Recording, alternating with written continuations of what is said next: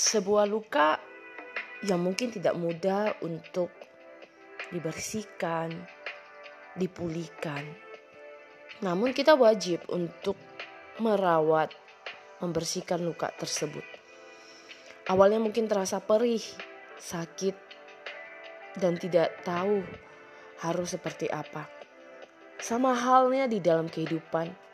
Kadang kita pernah dilukai, disakiti, bahkan hal lain yang membuat hati perasaan kita terluka. Mungkin tidak cepat untuk bisa membalikkan kepulihan hati tersebut.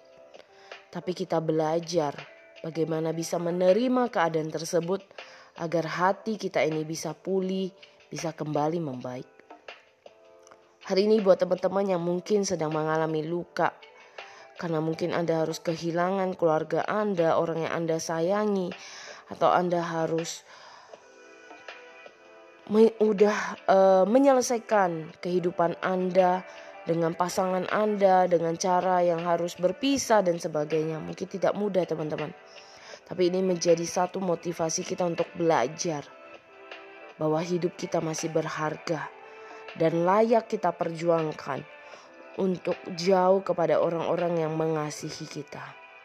Semangat, lakukan yang terbaik dan teruslah menginspirasi.